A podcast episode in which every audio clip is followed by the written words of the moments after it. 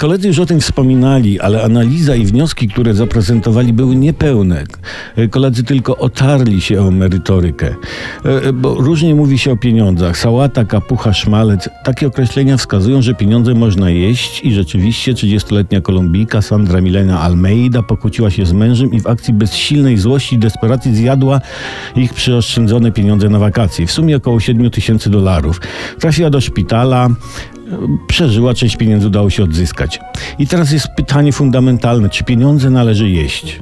No, jeśli ktoś chce się pobawić w bycie bankomatem, to tak, oczywiście, można, a bez tego ani róż.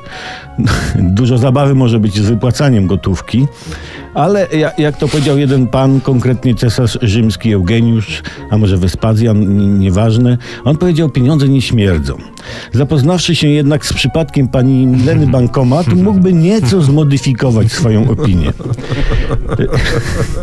Z drugiej strony, z drugiej strony ekonomiści wietrzą kryzys już wkrótce i być może to miejsce, gdzie pani Milena przez moment przetrzymywała gotówkę jest najbezpieczniejsze.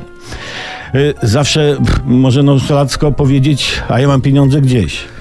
Z tym, że warto zauważyć, że ten sposób przechowywania banknotów nosi wyraźne cechy tymczasowości.